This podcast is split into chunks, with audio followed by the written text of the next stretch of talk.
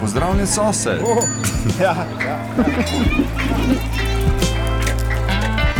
Obrazi, obrazi, obrazi. Sosednje ulice. Sosednje.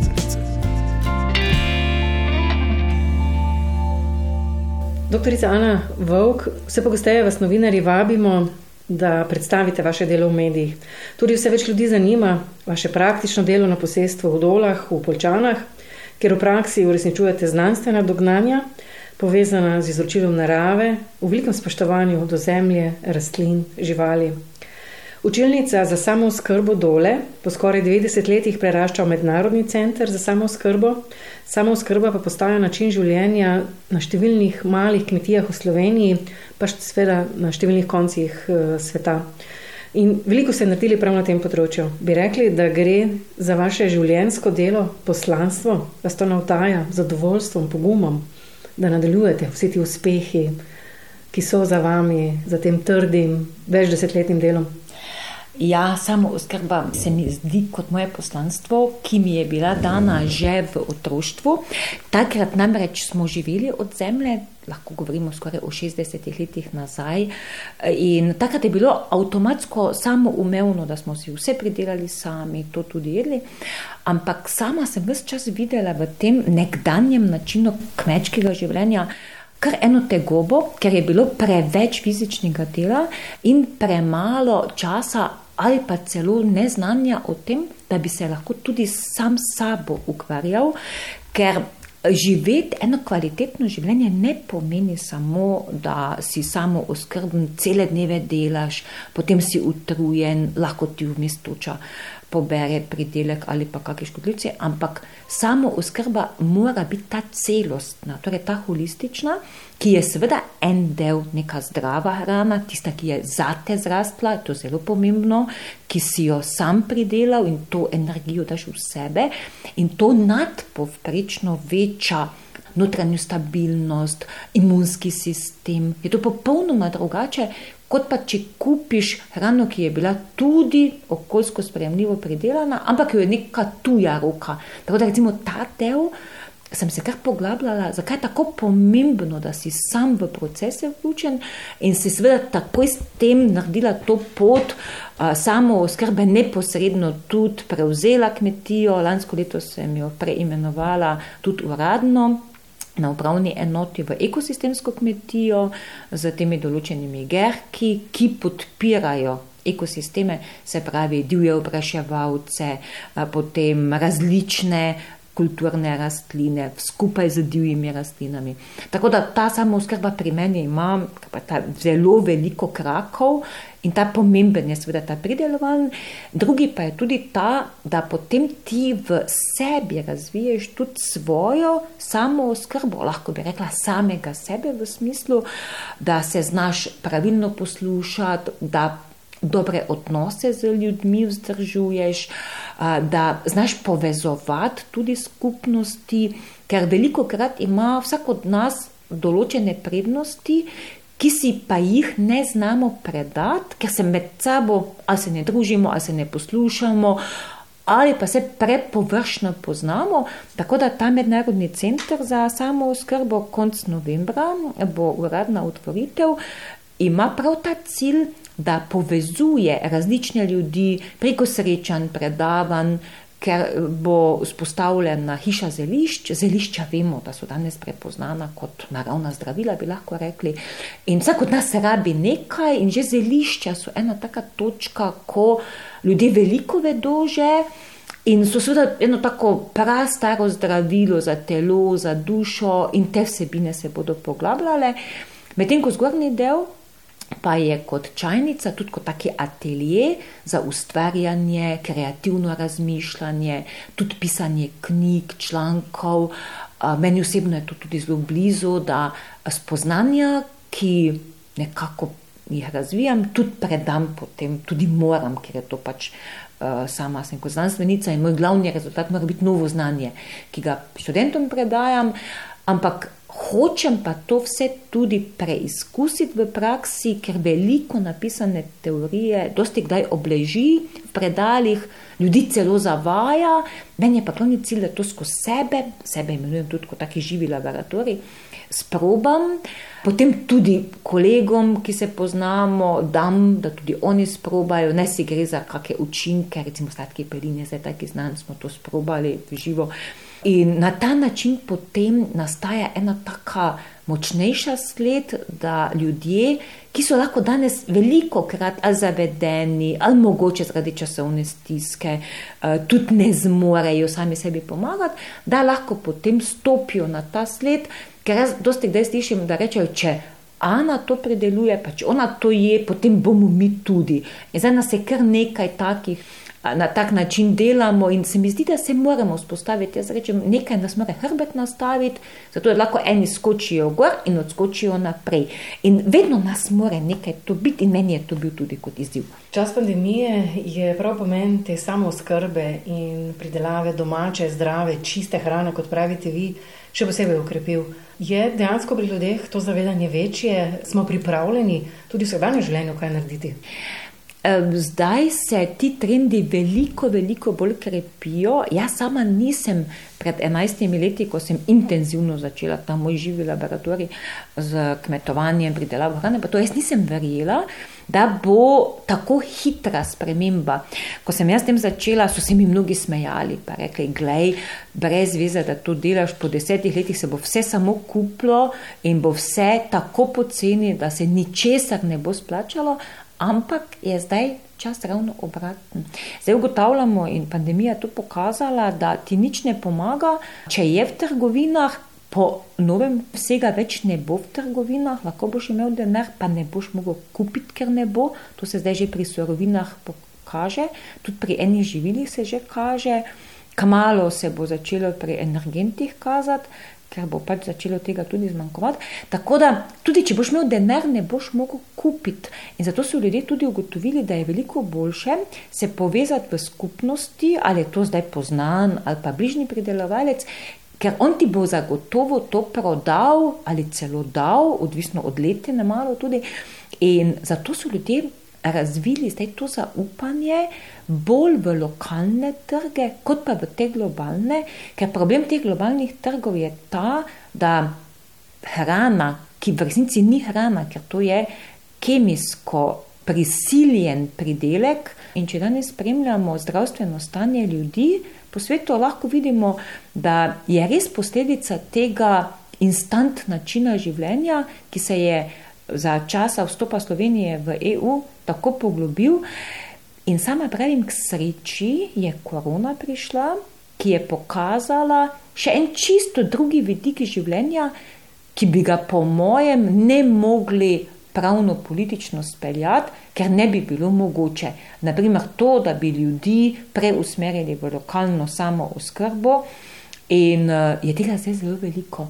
Recimo, trend, če bi ocenila 200%, je šlo gor dve leti nazaj in zdaj. Praktično vsaka hiša, ki je zdaj nastaja, ima tudi vrt, če pa gledamo nazaj, tega ni bilo.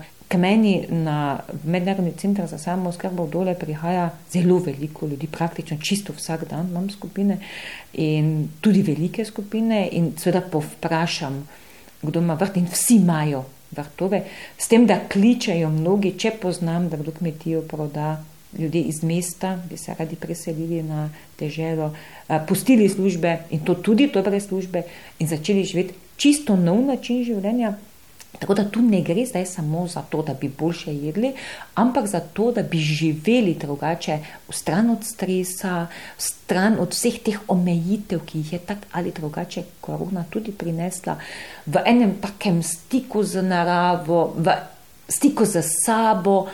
In jaz sem optimistična glede tega, zato sem se tudi podala v način življenja, da živim. Na tej ekosistemski kmetiji in da pokažem, da se to da, je pa res, da to ni življenje s tipkami, nadaljavo, ob zaslonih računalnika, ampak je to tudi kar nekaj fizičnega dela. Obrazi sosednje ulice. Doktorica Ana Vok, naša gostja, kot ena najbolj praktičnih znanstvenic, raziskovalk. Poznate tudi metode, ki omogočajo preživetje in predelovanje hrane v teh zahtevnih razmerah. Prav čas pandemije je to še posebej izpostavil, ukrepil. Sicer pa spremljamo, da okoljske katastrofe po svetu uničujejo na milijone ljudi, pridelke, prebivalci ostajajo brez eh, hrane, vode. Je samo skrba tista metoda, ki nam lahko omogoči preživetje v tako negotovih podnebnih, tudi družbenih, političnih razmerah. Če bi pogledali to časovnico človeštva, je ta ne samo oskrba, ki nas je zadela, jaz temu pravim kot tujek z vesolja, zaradi teh zelo ekonomsko vezanih interesov bogatih posameznikov, ki so s tem postali še huje bogati in seveda šli v to, da bi popolnoma ljudi imeli pod kontrolo. Če pogledate, kaj je prinesla ta globalizacija, je dejansko zelo veliko kontrolo nad ljudmi in ta digitalizacija, tudi sledenje ljudem. Do tega, da so zdaj zelo veliki interesi, da bi ukinili fizični denar, da bi bil samo na karticah. Kar seveda pomeni, da vam lahko kadarkoli zblokirajo te kartice in potem, kaj boste jedli, če ne boste imeli dostopa do svojega denarja, kar ni tako nepričakovano. Kaj šele, če pride do kakih globalnih poplav, mi lahko za vsak dan poslušamo, da na stotine ljudi umira ali suš, tudi požari, potresi, vulkani, bolezni. In, in vojne. Vojne, ki pa so že med nami, pa se zdaj kaj dosti ne govori o njih zaradi drugih stvari, in pa seveda številni begunci, imigranti. Afriška obala je polna tisoč milijonov ljudi, ker osrednji sahelski del nima od česa živeti, ker že osem let ni bilo kaplje dežja. In vsi ti so gor, zdaj rinejo proti Grčiji, Eh, od Libije, ta vzhodni del, velika večina pa tu do italijanskih otokov in dnevno jih zelo veliko umre, ker seveda to izkoriščajo potem ti prevozniki, ampak se o tem danes nič kaj ne poroča. Na tak ali drugačen način bodo ti ljudje v Evropi. Ljudje se znajdejo in tudi ti bodo mogli jesti, nas je 8 milijard in že zdaj se poznam, da vsi nimajo dovolj hrane. Ne?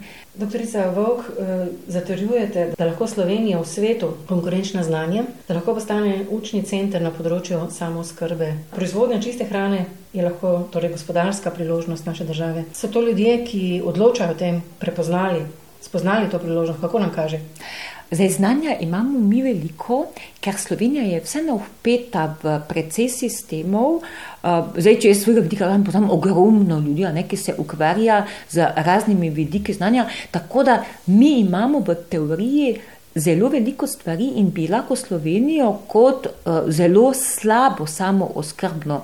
Zdaj, če zelo v resnici pogledamo, mi 20% nismo samo skrbni, ampak če bi v Sloveniji porabili znanje, mi na vse zadnje imamo tudi zelo veliko univerz, javnih in privatnih, pa visokih šol in takih in drugačnih, če bi pa še tudi tradicijo, Slovenija je najbolj vrtičkarska država v svetu, Evropi v svetu, nikjer drugi ni toliko vrtičkov kot v Sloveniji, in Slovenija je to tradicija. In če bi vsi za par metrov povečali svoje vrtičke, bi lahko bili ogromni ponudniki res te čiste hrane, ne bom rekla ekološke, ker mislim, da ni potreben ravno postopek certificiranja, ampak ta etična zavest, da ne uporabljamo kemikalije. Prepričana sem, da bi v čakalnih vrstah čakali za odkup te hrane, ker za številne bolezni, to so zlasti rakava obolenja, je prepovedano uživanje pesticidne hrane, ker uničuje dodatno celice. In taki ljudje nujno rabijo naravno pridelano hrano. In zdaj smo tudi v Slovenci v porastu rakavih obolenj zelo visoko v Evropi. In seveda tudi druge države imajo te težave in bi mi lahko z znanjem aktivirali opuščena zemljišča. Manj rodovitna, jaz sama se ukvarjam s tem, kako dobesedno preživeti v izredno slabih okoliščinah, ker ta kmetija moja ima pseudoglej, to je en tip zemlje, ki je izredno neugoden po teoriji se ne da kmetovati, ampak meni vsa hrana zraste, ker določeno znanje je treba vključiti za meščanje zemlje, zadrževanje vode, humifikacijo in tako. In bi vse to lahko predali naprej, in cela Slovenija bi bila velik vrt, ker bi se to pridelovalo, do tega, da bi tudi obrambo proti koroni naredili, ker največja obramba je visok imunski sistem, ki ga pa lahko ti vzdržuješ z enim takim vitalnim načinom življenja, tudi z lastno pridelavo, ne samo z lastno hrano. Obrazi sosednje ulice. Doktorica Ana Vovk, ste znanstvenica, raziskovalka, prisegate na preverljive znanstvene metode in rezultate. In pravite, da brez duhovne znanosti ni prave znanosti. Lahko kot znanstvenica to pojasnite. Ta razkorak in uh, vaš način življenja kaže prav nasprotno. Torej, ta duhovnost, uh, holističen pogled na svet, čutenje narave in življenje z naravo. Ja, znanstveniki smo dolžni holistično gledati na vse pojave in procese, in ne samo a, matematično, statistično. Torej, to, da se nekaj izmeri, nekaj stehta, nekaj izračuna, je samo en del znanosti. Zato, ker nikoli ni možno vseh podatkov dobiti, vedno so to samo neke vzorčne raziskave, ki pa seveda lahko vedno odstopajo od celovite realnosti in vedno so določeni procesi v družboslovju ali pa določene materijali, njihove uh, lastnosti, lahko odvisne tudi od nekega časovnega stanja. Zato mi nujno moramo vključiti ta duhovni vidik, ki pa zahteva najprej pogled vase. To pomeni, da problem, ki ga rešuješ, moraš biti educiran zelo globoko o njem in ne samo prebrati nekaj člankov, ki jih je nekdo napisal, pa potem neko številčno, kot svoj prispevek, vrednost dodati, ker to pa ni nova znanost.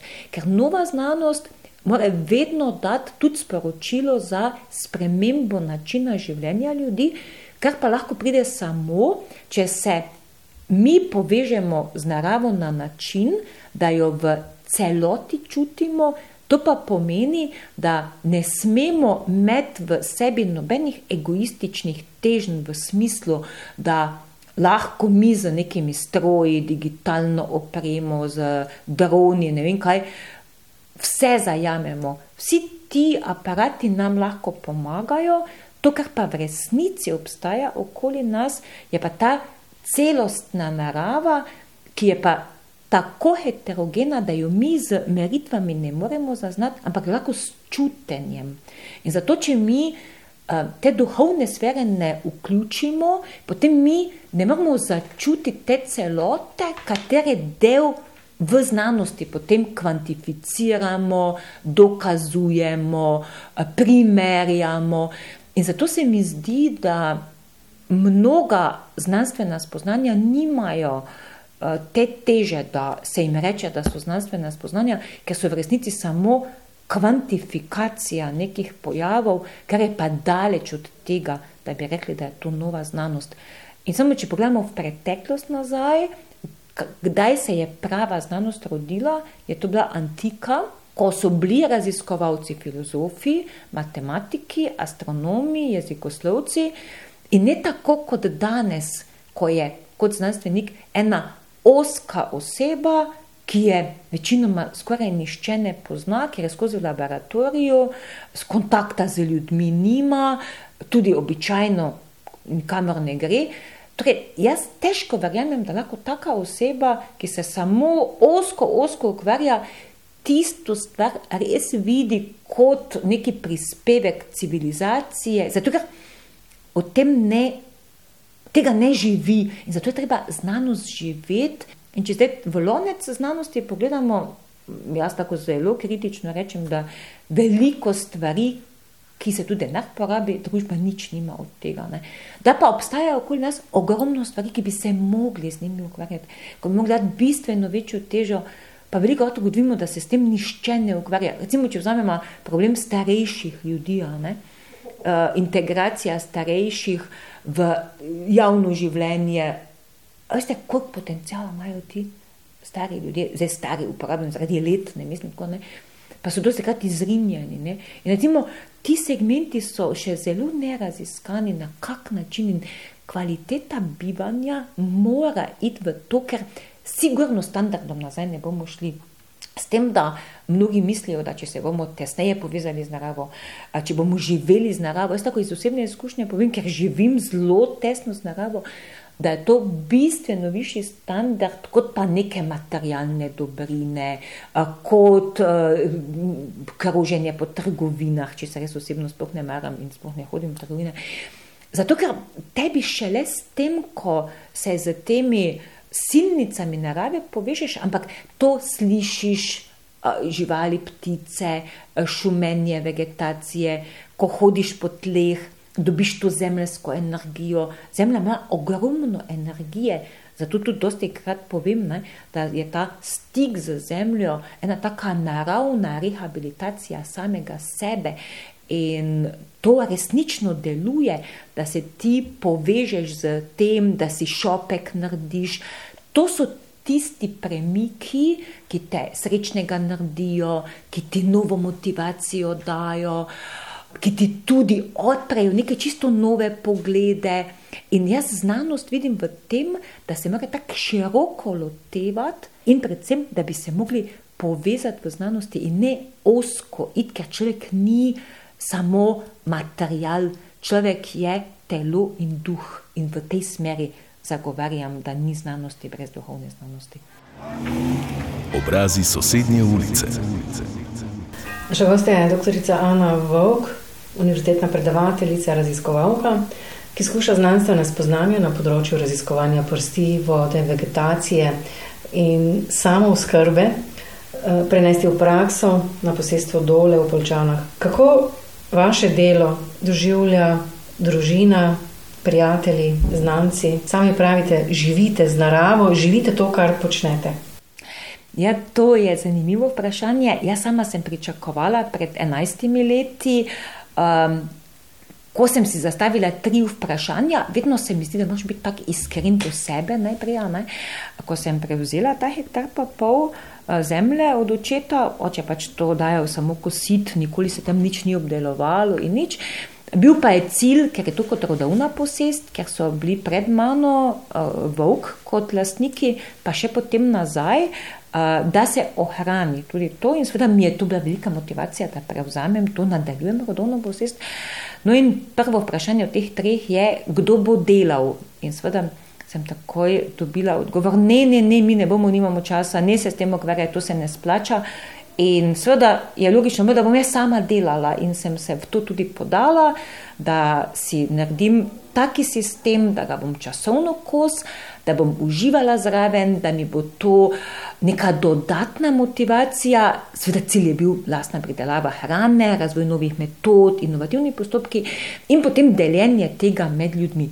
Danes me skoraj Slovenija, pa tudi tujina, potem pozna, da združujem znanost, ki jo pretopim v prakso in potem iz tega razvijem pristope, da so potem širši javnosti uporabni. In se mi zdi, da ni prav, da bi pričakovali, da mora kar družina te podpirati, da morajo vsi biti za, ker konec koncev ni nujno, da vsakega vse veseli. Tako da jaz čisto razumem, da če nekoga ne veseli, če nekdo še ni tega stika z zemljo dojel, da mogoče še ni čas, mogoče še ni zrel za to, mogoče ga narava ni poklicala v to smer. Tako da jaz ne pričakujem, da bodo vsi vse, ampak danes nas je že zelo veliko takih.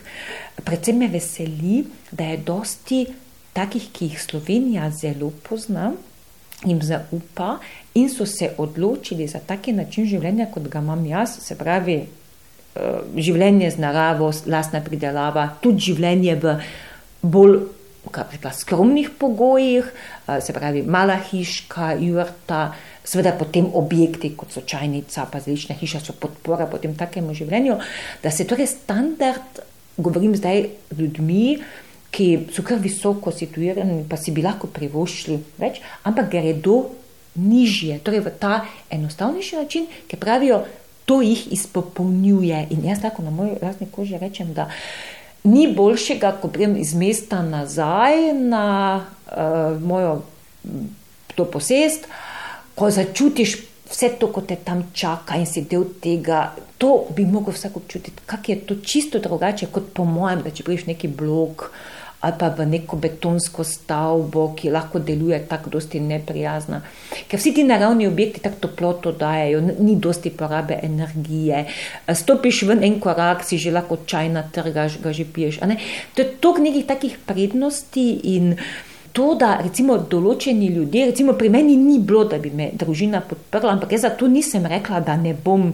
Jaz tudi vsem obiskovalcem povem, da delam vse sama, tudi roke pokažem, da se vidi, da delam vse sama.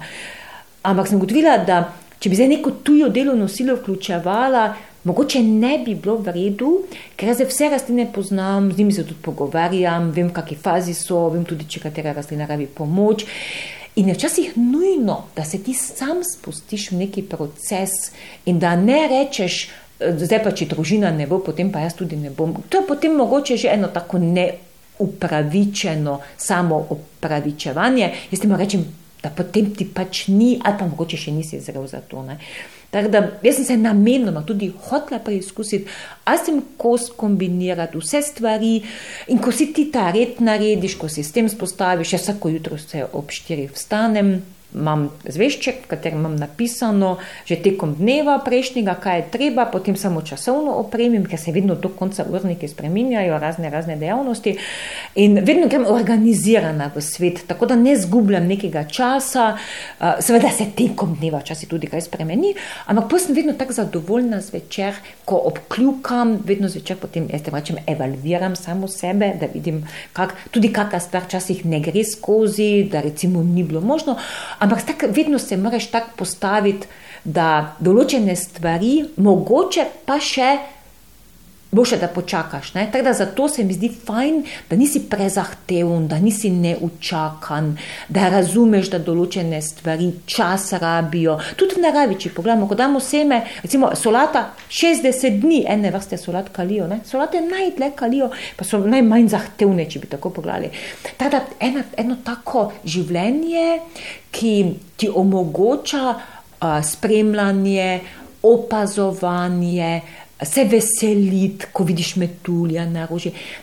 Recimo, take stvari bi vpeljali, to so tako male stvari, ampak v resnici ti dajo tako zelo dosti energije, uh, odpirajo ti nova videnja, ki jih, če preveč drviš skozi življenje, sploh ne vidiš pa dajo ti tak en entuzijazem, ker ti vidiš, da lahko, vidiš, da gre, predvsem pa, ko sebe vprašaš, kako se počutiš.